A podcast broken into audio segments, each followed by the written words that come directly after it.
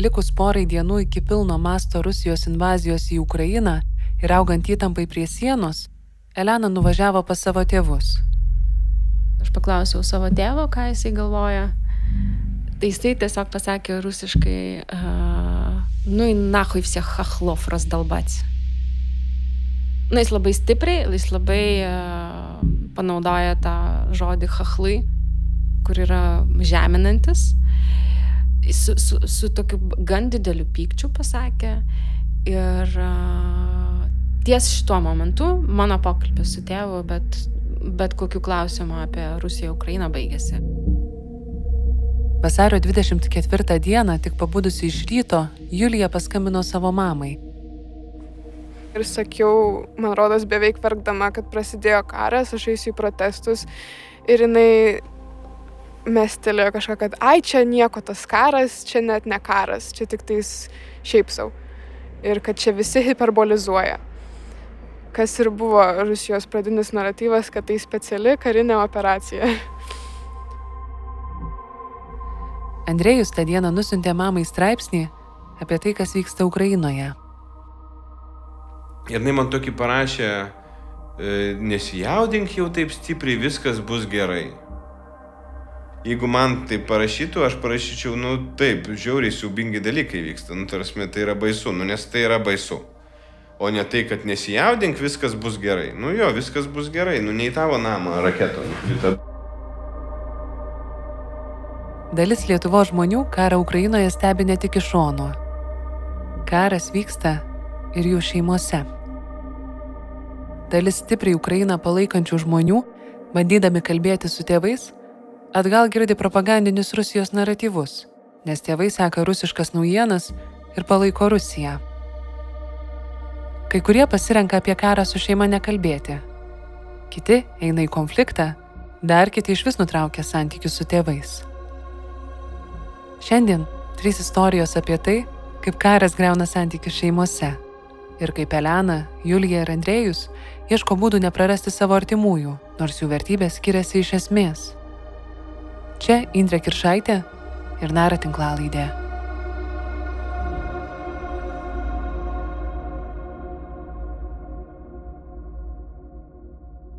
Elena, kurios vardą pakeitėme, nes jis sutiko kalbėti tik anonimiškai, gimė rusų šeimoje. Jos tėvai gyveno Rusijoje ir po studijų gavo paskirimą dirbti Baltijos šalyse. Iš jų jie pasirinko atvykti gyventi į Lietuvą. Tada, kai mano mama laukėsi manęs, ji grįžo pas savo tėvus e, į Rusiją, kad e, mane pagimdyti ten ir išbūti kažkiek tai laiko su savo tėvų pagalba. Tai aš gimiau Rusijoje, bet niekada negyvenau ten. Ir turbūt gal man, kai buvo kokie penki mėnesiai, mano mama sugrįžo jau atgal į, į Lietuvą ir aš užaugau čia visą savo gyvenimą. Iki Sovietų sąjungos žlugimo ir pirmaisiais Lietuvos nepriklausomybės metais Elena kasmet važiuodavo pas savo močiutes į Rusiją praleisti vasaros. Tai buvo tiesiog tėvų būdas e, turėti vasarą savo, be laiko, kol aš, jo, kol aš linksminausi su savo seneliais. Tos vaikystės vasaros pas močiutės nu, yra iš ties gražiausi, vieni gražiausių prisiminimų. Ankstyvoje vaikystėje Elenos aplinka Lietuvoje, mieste, kuriame užaugo, buvo tik rusakalbė. Kadangi tėvai dirbo strateginiuose tokiuose objektuose, tai ten beveik ir visi kolegos buvo, dauguma buvo rusai, kurie irgi atvažiavo dirbti į Lietuvą. Tai ta aplinka, netgi, netgi mano namo kiemas buvo labai rusiškas, nes tie būtai buvo paskirstyti būtent tos įmonės darbuotojams, šeimoms. Tai mes, kai išeidavom žaisti į kiemą, mano beveik visi draugai kieme buvo, buvo rusai. O tarkim, jeigu mes eidavom jau į kitą kiemą kažkur e, aplink, tai e, ten jau būdavo lietuvių, tai net mesgi tokius ten žaisdavom karus. ir aš turbūt labai ilgai netgi nekalbėjau lietuviškai, nes aš ėjau į rusišką darželį, paskui ėjau į rusų mokyklą. E, lietuvių pamokos rusų mokykloje jos nebuvo labai stiprios. Nu tai tu mokaisi kaip užsienio kalbą, bet tu jos nevartoji. Bet devintoje klasėje vidury mokslo metų, nors dabar pati neatsimena kodėl, Ji nusprendė iš rusiškos mokyklos pereiti į lietuvišką. Ir aš tik atsimenu jo, kad pirmą savaitę buvo labai sunki, nu, aišku, staiga aš iš rusiškos aplinkos, rusakalbės aplinkos, pereinu į lietuvišką aplinką, aš nekalbu tiek gerai, kad aš jaučiausi kaip ten žuvis vandenį, aš kalbu su akcentu tuo metu e, ir ta visa nauja aplinka, nauji žmonės, nauji mokytojai, nu aišku, tai turėjo įtakos, aš atsimenu, aš turbūt pirmą savaitę daug praverkiau ir aš atsimenu, kad mano mama sakė, ne, ne, palaukim dar, dar, dar, dar biški pabandyk, gal dar savaitę, paeik ir paskui, jeigu tikrai bus blogai, mes išeisime.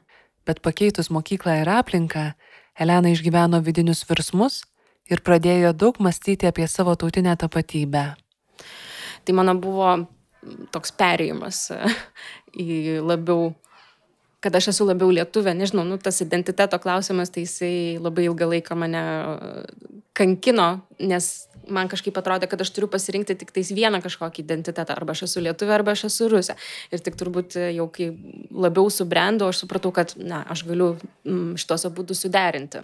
Elenos santykiai su tėvu nebuvo artimi, o jos mama liko rusiškoje aplinkoje. Mano mama niekada nesakė, kad jinai yra lietuvė. Jo, jinai visada, nu, jinai yra rusė. Jinai gyvena Lietuvoje, bet jinai visada buvo rusė ir jos aplinka, jeigu mano aplinka pasikeitė į uh, lietuvišką, aš labiau, nežinau, galima sakyti, integravausi, mano mama niekada ne, ne, neintegravosi tiek, kad jinai uh, jaustųsi komfortabiliai lietuviškai aplinkoje. Jos visi draugai yra rusai iki šiol. Uh, lietuvių draugų gal yra vienas kitas. Ir pas ją visada buvo tas uh, Rusija yra mano tėvynė ir pradėjo pas ją atsirasti labai toks Rusija yra geriau. Ten pradedant, nežinau, maistu, orų, gamta, e, ten yra kultūra, čia nieko nėra, nu, va, toks atsirado, bet aš kažkaip ne, irgi neužakcentuodavau šitų dalykų, nu, tiesiog, nu, jo, mama yra, tai yra jos gimtinė ir jinai užtat taip galvoja, gal tai yra normalu, aš ne, nesusijau to su kažkokia tai propaganda, ką aš padaryčiau dabar turbūt.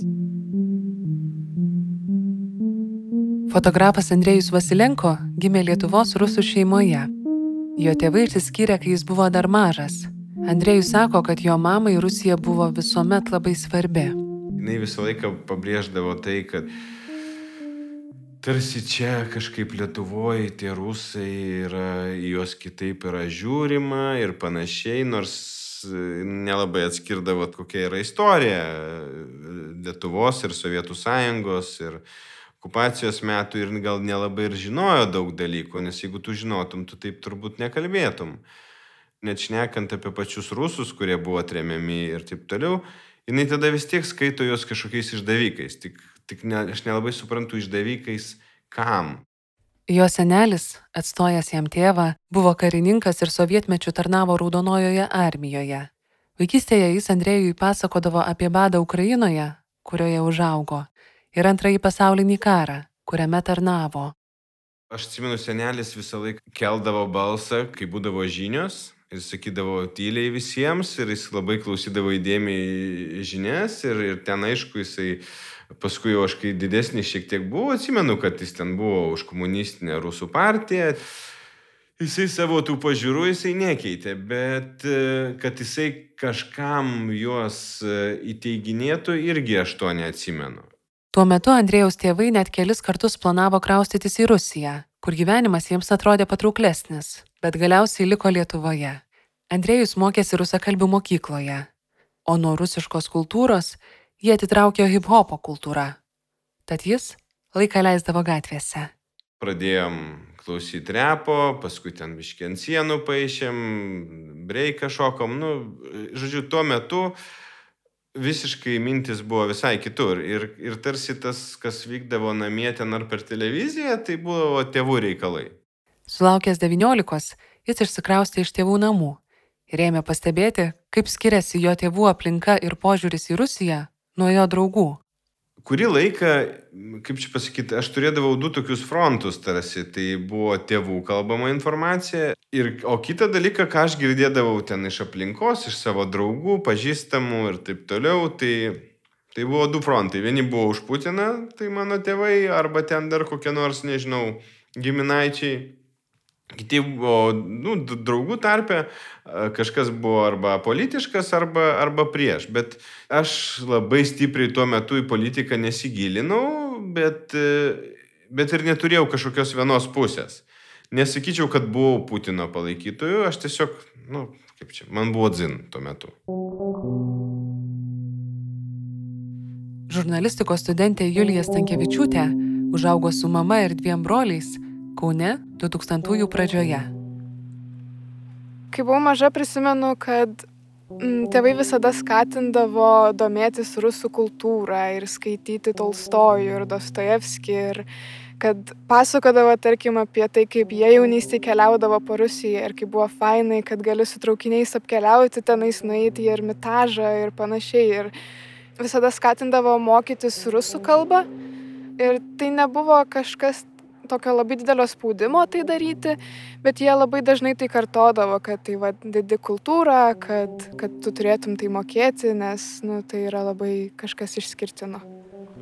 Tačiau jos tėvai yra lietuviai, ji neturi rusiškų šaknų. Visiškai neturiu iš nei vienos pusės iš savo tėvų. Jie buvo užaugę Sovietų sąjungoje ir jie abu yra sovietiniai vaikai. Ir aš manyčiau, kad savo laiku jie buvo pakankamai išsilavinę žmonės, nes jie buvo labai daug skaitydavo. Ir aš tiesiog manau, kad tuo metu būtent pasiekiamas išsilavinimas ir buvo ne apie lietuvių kultūrą, ne apie kažkokią kitą kultūrą, apie rusų kultūrą. Bet Julijos mama jaunystėje save laikė Lietuvos patriotę ir jinai rašydavo visokius rašinėlius apie Pauliaus Širvio poeziją, skaitydavo juos per radiją. E, tuo pačiu jinai dalyvavo ir protestuose Kaune po Romo kalantos susideginimo. Ir jinai pasakojo, kad tuo metu milicija tenais ją suspardė ir išvežė furgonę. Tai jinai buvo jauna, jinai buvo labai patriotiška, jinai netgi nebuvo komjaunuolė ir dėl to negalėjo universitetą įstoti, į kurį norėjo. Tai jinai, nu, jinai buvo labai lietuviškas lietuvis. Sovietmečiu Julijos mama su vyru gyveno pasiturinčiai. Mama dirbo pašte, vyras staliumi ir statybininku. Pačiame Kauno centre, buvusiose kunigų seminarijos patalpose, jie turėjo butą, kurį jos vyras paveldėjo iš savo tėvų. Mano mama gyveno kartu su mano broliais e, Kauno senamiestyje prie pat dabartinio Maironio literatūros muziejaus. Tai viskas buvo šalia ir jinai turėjo ir darbą gerą. Ir, nu, vat, svarbiausias jai vis tiek buvo tas įbutas, kad turėjo kur gyventi, kad tai buvo senamiestis šalia upė, jai patiko tas toks bendravimas seniau, E, ir tai nebūtinai yra lemta tai, kad buvo sovietmetis, bet tiesiog senesni laikai, kai žmonės buvo labiau bendruomeniški ir panašiai. Tai jinai labai prisimena tą gyvenimą sovietmečių su nostalgija, nors aš žinau, kad, nu tai tikriausiai yra tik dėl to, kad tai buvo jaunystė, kad tai buvo gražu ir kad nebuvo sveikatos problemų ir taip toliau. Atkūrus nepriklausomybę, Julijos mamos darbe buvo mažinamas darbuotojų skaičius ir ji buvo atleista. Taip pat ji neteko ir būto, kuris buvo gražintas seminarijai. Dar ji išsiskyrė su vyru, kuris turėjo problemų su alkoholiu ir liko gyventi viena su dviem Julijos broliais. Jis sunkiai išlaikė šeimą.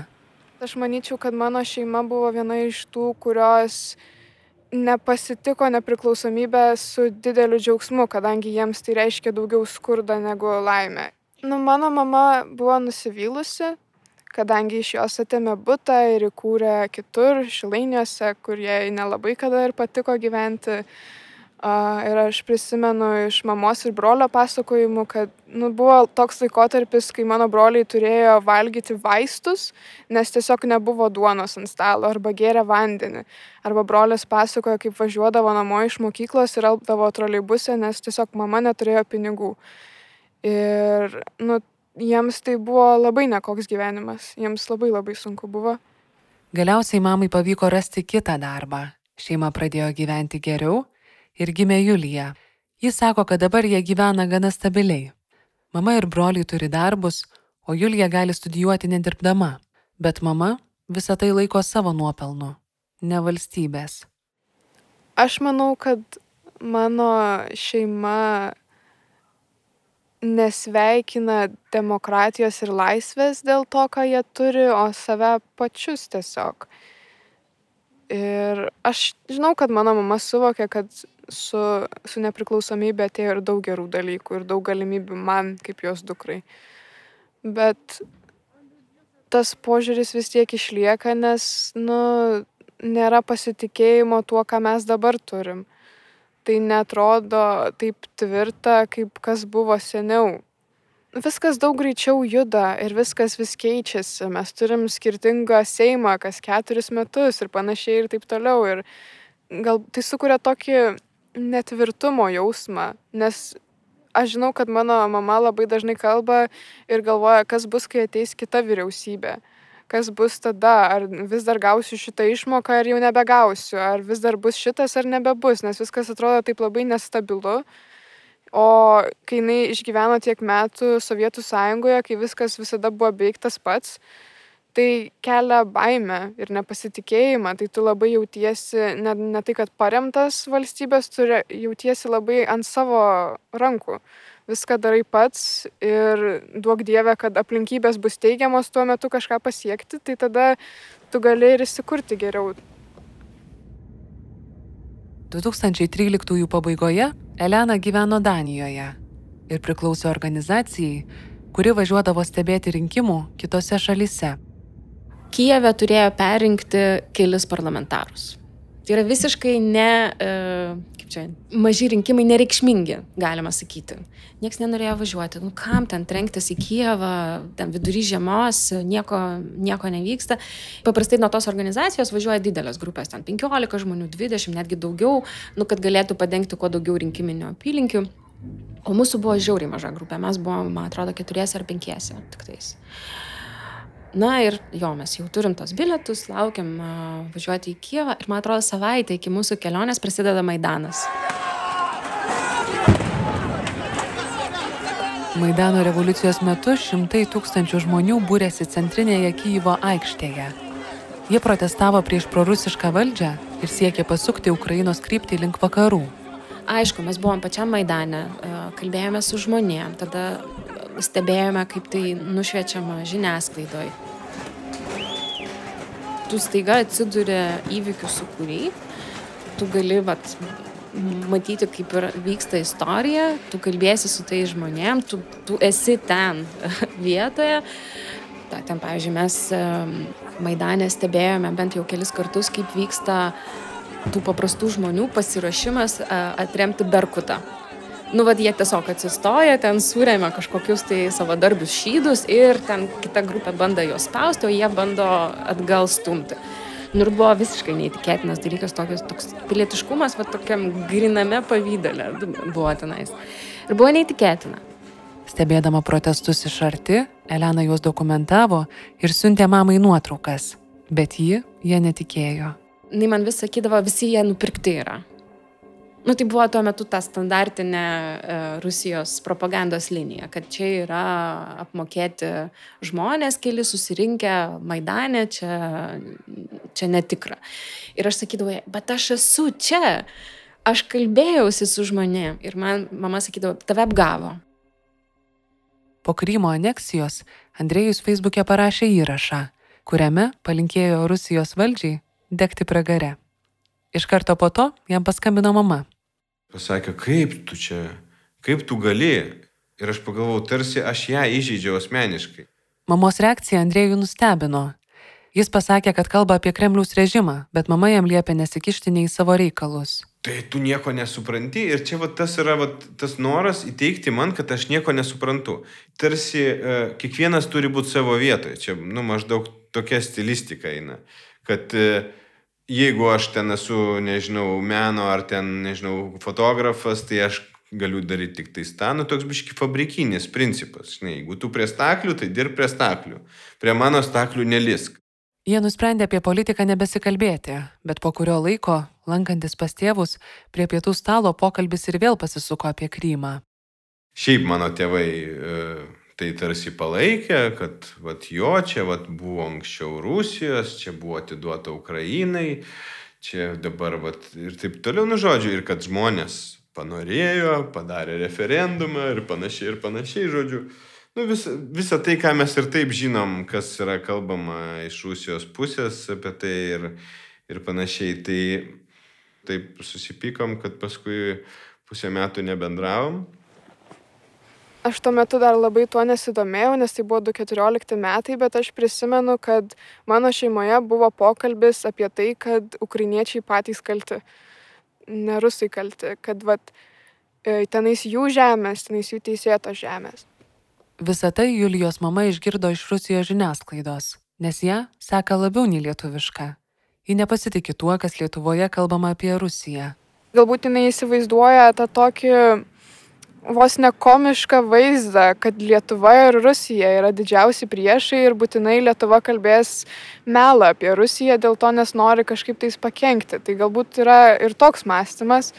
Ir kadangi mes taip dažnai apie tai kalbame, aš manau, kad, nežinau, galbūt jai tai sukelia kažkokį nepasitikėjimą, nes tuo pačiu ir Rusija kitaip kalba. Elena sako, kad pykčiai su tėvais dėl jų požiūrio į Rusijos imperializmą Ukrainos atžvilgiu 2014-aisiais jų santykių stipriai nepakeitė. Jie ir taip nebuvo labai artimi nes aš tikrai nesiidentifikavau kaip, you know, Rusija yra mano didžioji tėvynė ir kaip ten viskas gerai. Ir jeigu mama apie tai kalbėdavo, na, aš bandydavau kažkokius tai ten, tarkim, klausti, o tai ką tu čia veiki, ką tu čia veiki, kodėl, tu, jeigu tau čia taip nepatinka, kodėl tu nevažiuoji atgal. Kažkurio momentu mano mama pasakė, vad kai aš išeisiu į pensiją, aš išvažiuosiu. Tuo metu Andrėjus su šeima bendravo epizodiškai, Bandydamas prie jų prieiti, sulaukdavo atstumimo ir vėl nesikalbėdavo. Kartu jis suprato, kad jų nesutarimai su mama dėl požiūrio į Rusiją yra glaudžiai susiję ir su asmeniniais santykiais. Tai yra tam tikras požiūris į gyvenimą, tam tikras požiūris į žmogų, bet, bet tas sovietinis kažkoks požiūris į tave kaip į kažkokį tai vienetą, kuris, ta prasme, gimsta, užauga ir turi pats vat, viską daryti ir, ir, ir būti kažkokiu tai tokiu labai vyriškų, labai, nu, tarsi daug tokių visokių uh, stereotipinių momentų. Nu, ta prasme, koks turi būti vyras, kaip tu ką turi daryti, bet iš kitos pusės, žiūrint į dabartinę Rusijos psichologinę būklę, aš suprantu, kad, nu, tai yra globali problema, bet viskas vis tiek susiveda į galvą ir į galvas kiekvieno iš mūsų.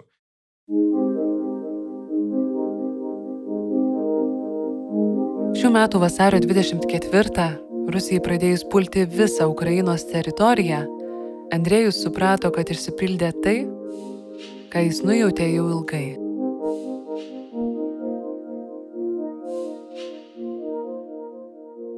Nu, turbūt paauglystės turėjau tokią mintį, o kas, kokioj pusėje aš būčiau, jeigu būtų karas su Rusija.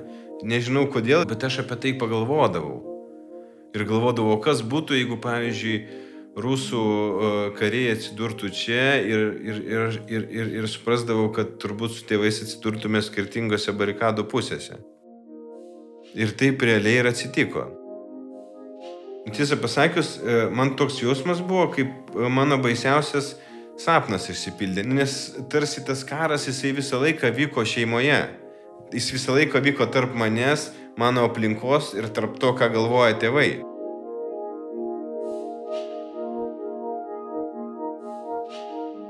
Prisimenu, aš pabudau ir mano kambariokė man pasakė, prasidėjo karas. Ir tada buvo labai sunku kažkaip suvokti, kad tai vyksta ir aš skambinau mamai ir sakiau, man rodos, beveik verkdama, kad prasidėjo karas, aš eisiu į protestus ir jinai mestelėjo kažką, kad ai, čia nieko tas karas, čia net ne karas, čia tik tais šiaip savo. Ir kad čia visi hiperbolizuoja kas ir buvo Rusijos pradinis naratyvas, kad tai speciali karinė operacija. Tai Julijai sukėlė atmetimo reakciją, todėl pirmą invazijos savaitę ji mažai bendravo su savo šeima.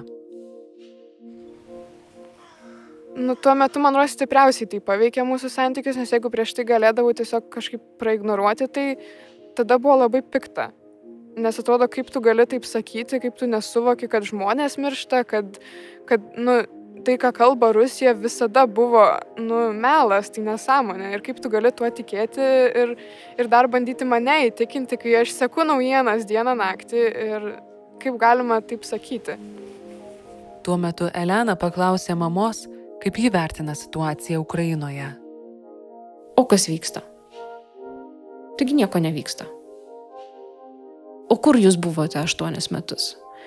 kai Ukraina bombardavo Donbasą ir ten žudė vaikus ir panašiai. Nu, tai yra antiek klišiniai tie uh, Rusijos naratyvai, kad man nu, tiesiog yra baisu, ant kiek yra uh, tiesiai šviesiai praplautos smegenis.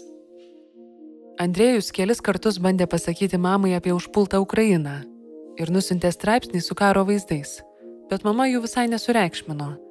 Tada jis pradėjo galvoti apie kitus būdus, kaip ją pasiekti ir prisiminė, kad mamos pusbrolio šeima gyveno Odesoje. Jis paklausė, ar jiems viskas gerai. Ir jie ten man atrašė labai gražiai, kad ačiū, kad parašėjai, kad rūpinėsi. Taip, labai baisus, baisus dalykai vyksta, bet jie visiškai, ta prasme, jie parašė tai, kas iš tiesų vyksta. Ir man taip gėda, kur aš galvoju, ta prasme, kad rūpinamės, kad niekas mūsų šeimoje, kad niekam nerūpi šeimoje, kad jie galvoja visai kitaip.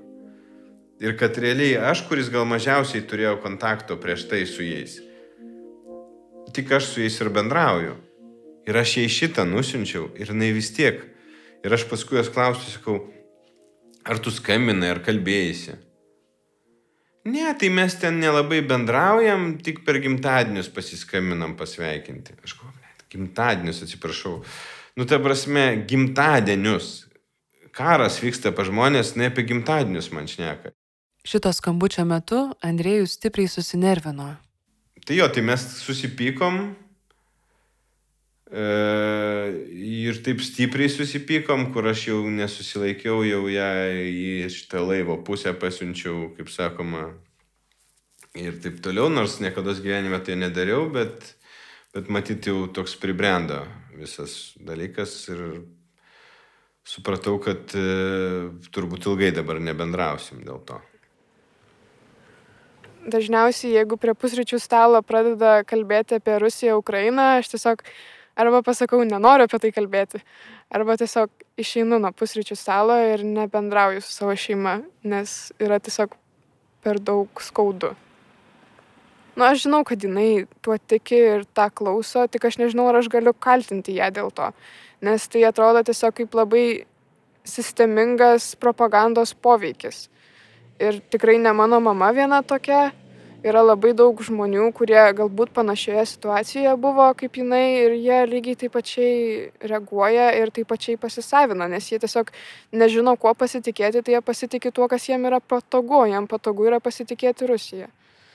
Tai tas santykis dabar jis yra truputį kitoks jau, nes praėjo šiek tiek laiko, tai aš tiesiog renkuosi nedalyvauti tuose pokalbiuose, nes tai vis tiek yra mano šeima ir aš vis tiek savo mamą labai myliu. Bet vardant savo psichinės sveikatos, aš tiesiog nelendu tenais į tas kalbas, nes kitaip man būtų labai pikta ir būtų sunku kažkaip tais be emocijų apie tai kalbėti.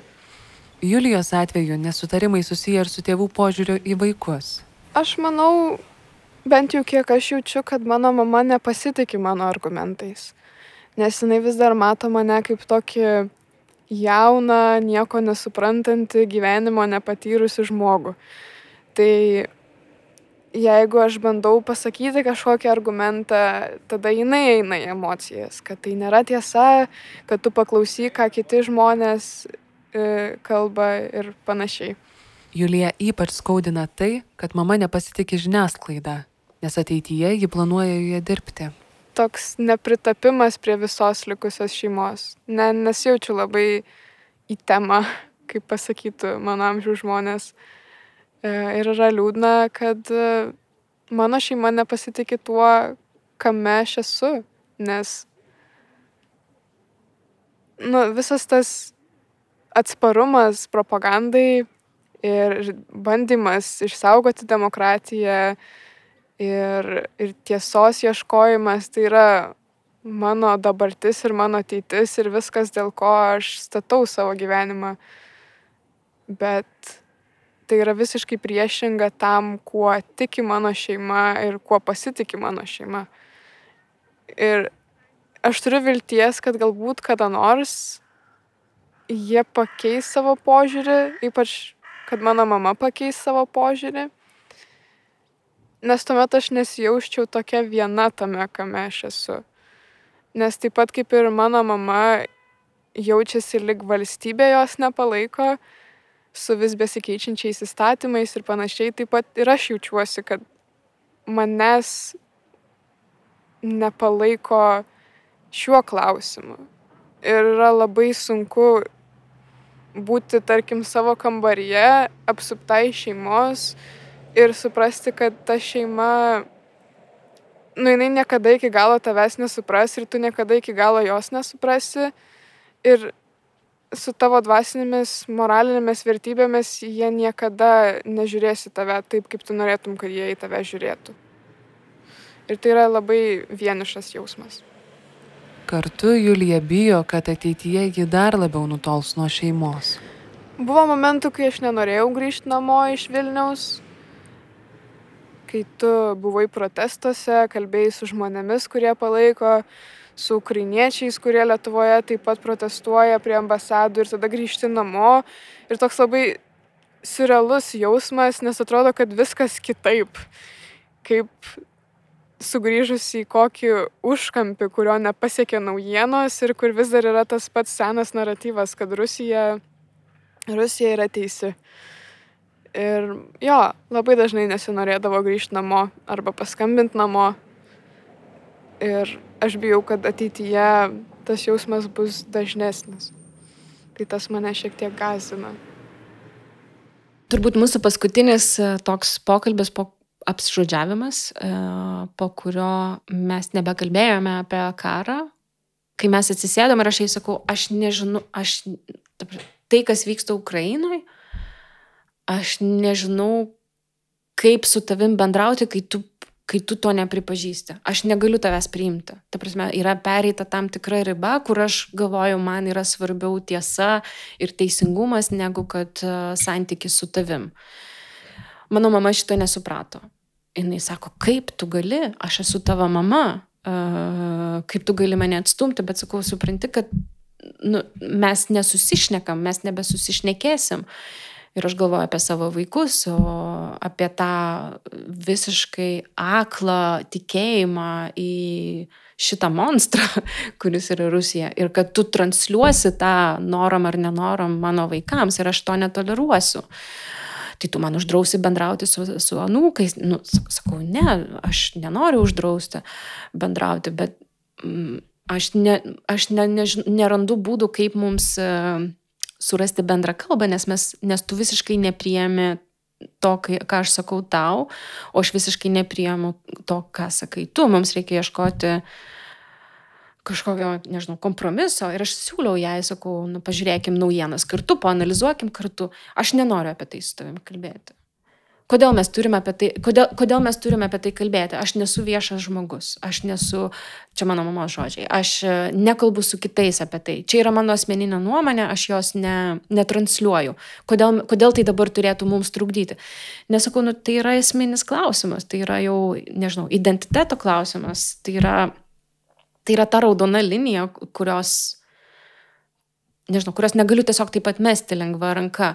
Ir aš tiesiog jai tada sakiau, ar, e, ar tau būtų normalu bendrauti su šeima, kuri ten palaikė nacijus. Jis susimastė vienu momentu, bet tada tiesiog jos atsakymas buvo, tai nekalbėkime apie tai. Bet aš sakau, tai, kad mes nekalbėsime apie tai, nu, problema nedings, ta prasme, karas toliau vyks. Mes negalime užsimerk, užsimerkti, kad tai nevyksta.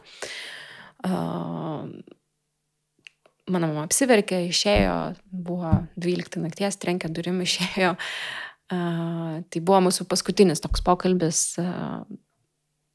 karštas, ir, bet man nepavyko nieko pasiekti.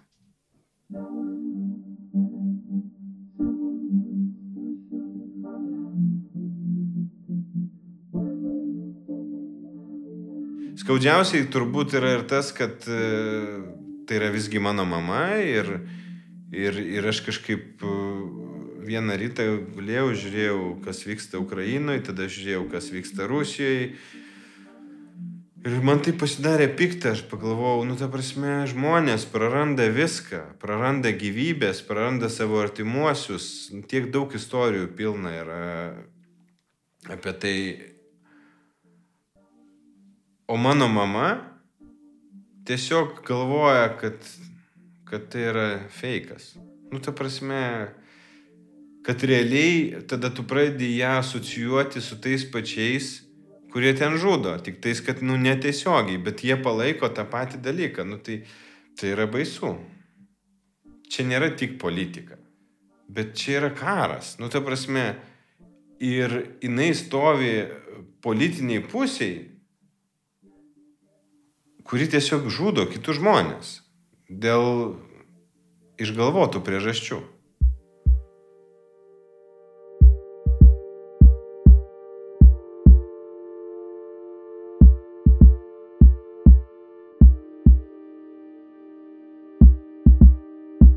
Pernai Elenos mama išėjo į pensiją ir šiemet pradėjo tvarkytis dokumentus, kad išvyktų gyventi į Rusiją. Elena galvojo, kad karas mamą sustabdys, bet nesustabdė.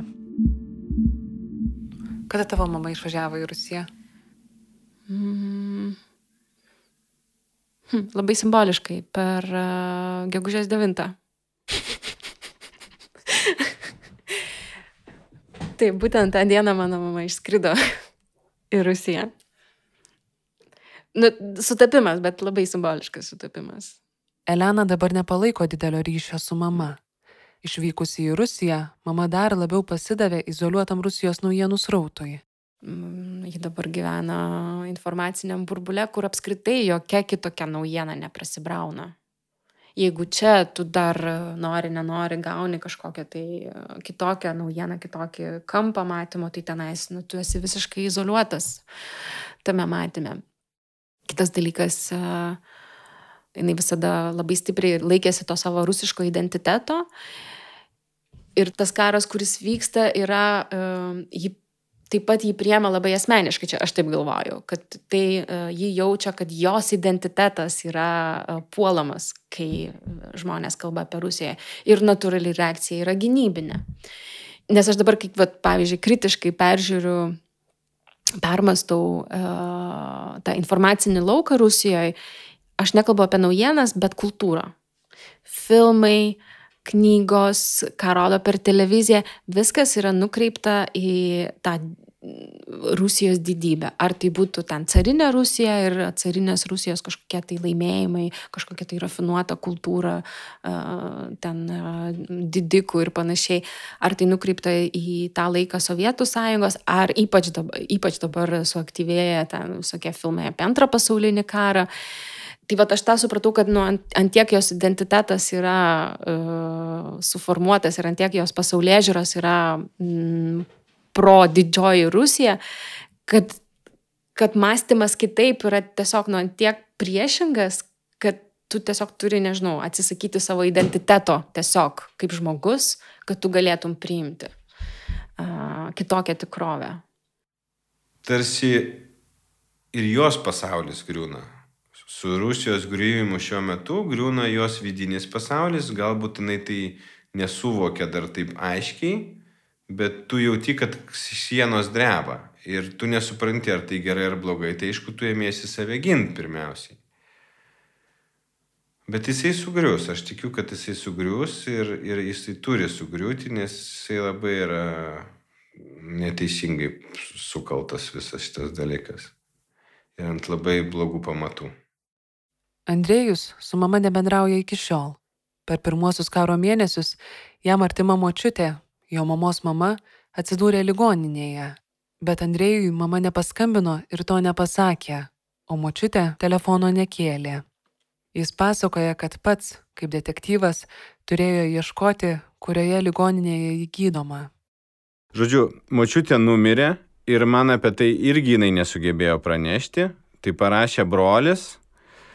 Ir, žodžiu, jinai, tavarsi, nesugebėjo perlipti net, nu, kur tai yra, nu, ta prasme, nesusiję dalykai. Tai yra, nu, ta prasme, tai yra močiutė, su kuria aš nei buvau susipykęs, nei ką, nu, ta prasme, visiškai, bet, bet tai jai neleido net e, padaryti ir tai. Ir, Ir tuomet, kai ten jie užsikinėjo gedulingus pietus, man skambino teta, nes ir jinai buvo gan nustebusi, sako, tavo mama kategoriškai atsisakė tau skambinti, sako, tu skambink, e, sako, nežinau, kas ten pas jūs įvyko, bet sako, gal jau tokiu atveju nereikėtų apie tai galvoti. Nu, ta prasme, kai miršta žmogus ir, ir, ir kažkaip ir aš dabar jau taip, nu, aš dar galvodavau, gal kažkaip tai reikėtų surasti kažkokį tai, nu, nežinau, bendrą pokalbį, galbūt kažkaip mes išsiaiškintume ar kažką tai. E, bet aš kažkaip net dabar ar pats nenoriu to daryti, nes, tarsi, jeigu, jeigu politika neleidžia žmogui e, pranešti apie kito žmogaus mirtį, tai aš manau, kad tai yra blogai. Nu, ta prasme, ir aš nesiuošiu užsiimti jos perauklėjimu, nes, nes tai yra kažkaip, manau, kad e, jinai pati turėtų daryti kažkokius gyvenime sprendimus, nes yra suaugęs žmogus ir, ir, ir, ir taip toliau. Andrėjus mano, kad pakeisti tėvų nuomonę gali tik lūžiai Rusijos viduje jų televizija turėtų pradėti kalbėti apie tai, tada turbūt pasikeistų. Bet e, be perversmo ten to ne, neatsitiks, tai nežinau, toks biški užburtas ratas. Nežinau, tikiuosi, kad e, aš labai norėčiau surasti kažkokią bendrą kalbą, bet kol kas pagal dabartinės nuotaikas tai kažkaip sunkiai tikėsi. Nes aš klausiau savo mamos, kas turėtų atsitikti, kad tu pakeistum savo nuomonę? Ir jinai sakė, tai neįmanoma. Tu prasme, Rusija, mes, mes laimėsime. Prasme, mes laimėsime. Vat, ne, tai labai daug ką pasako apie mano mamos identitetą.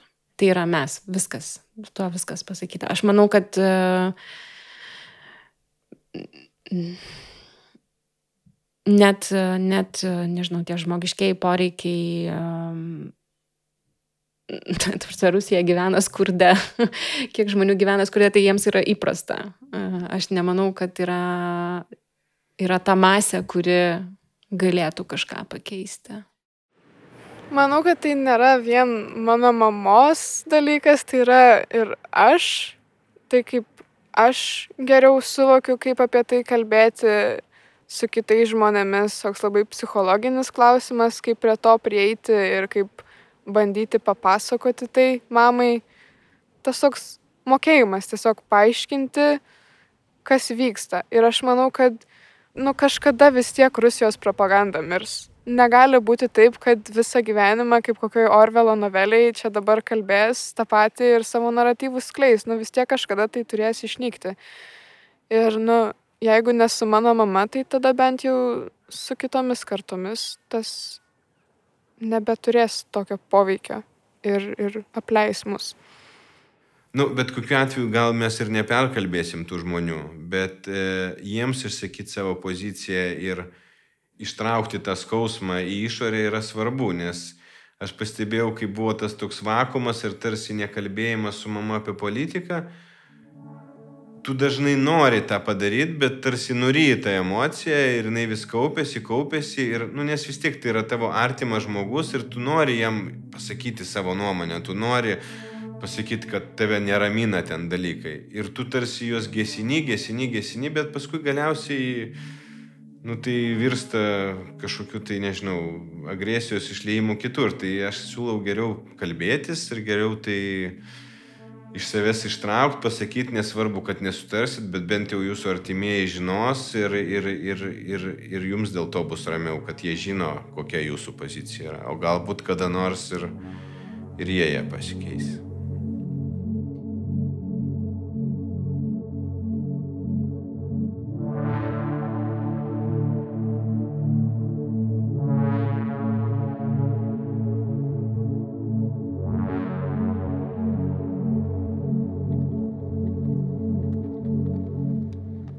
Jūs klausėtės Nara tinklalaidės. Pamatyti pašnekovų portretus, kuriuos padarė Karolis Pilypas Liutkevičius, galite mūsų puslapyje nara.lt. Kad garso dokumentikų galėtume sukurti daugiau, kviečiame paremti Nara veiklą per Contribui ir Steady platformas bei bankiniu pavedimu. Ačiū tai jau padariusiems - Rimantui, Mindaugui Kuprioniui, Indrei, Redai Stangytei, Jonui T. Vilijai Lomeikaitei, Valdemarui, Urelijai Urbonavičiūtei, Jevai Greičiūnaitei, Migliai Kestui, Simonai Zajančiuskaitei, Martynai Paukštiai, Ramūniai Brunzaitei ir Odetai. Epizodo muzikos autoriai yra Martinas Gailius, Jeva Burneikytė ir Viktoras Urbaitis. Garso dokumentikos autorė esu aš, Indrė Kiršaitė, jos redaktorius ir montažo režisierius Adomas Zubė. Ačiū, kad esate kartu ir iki.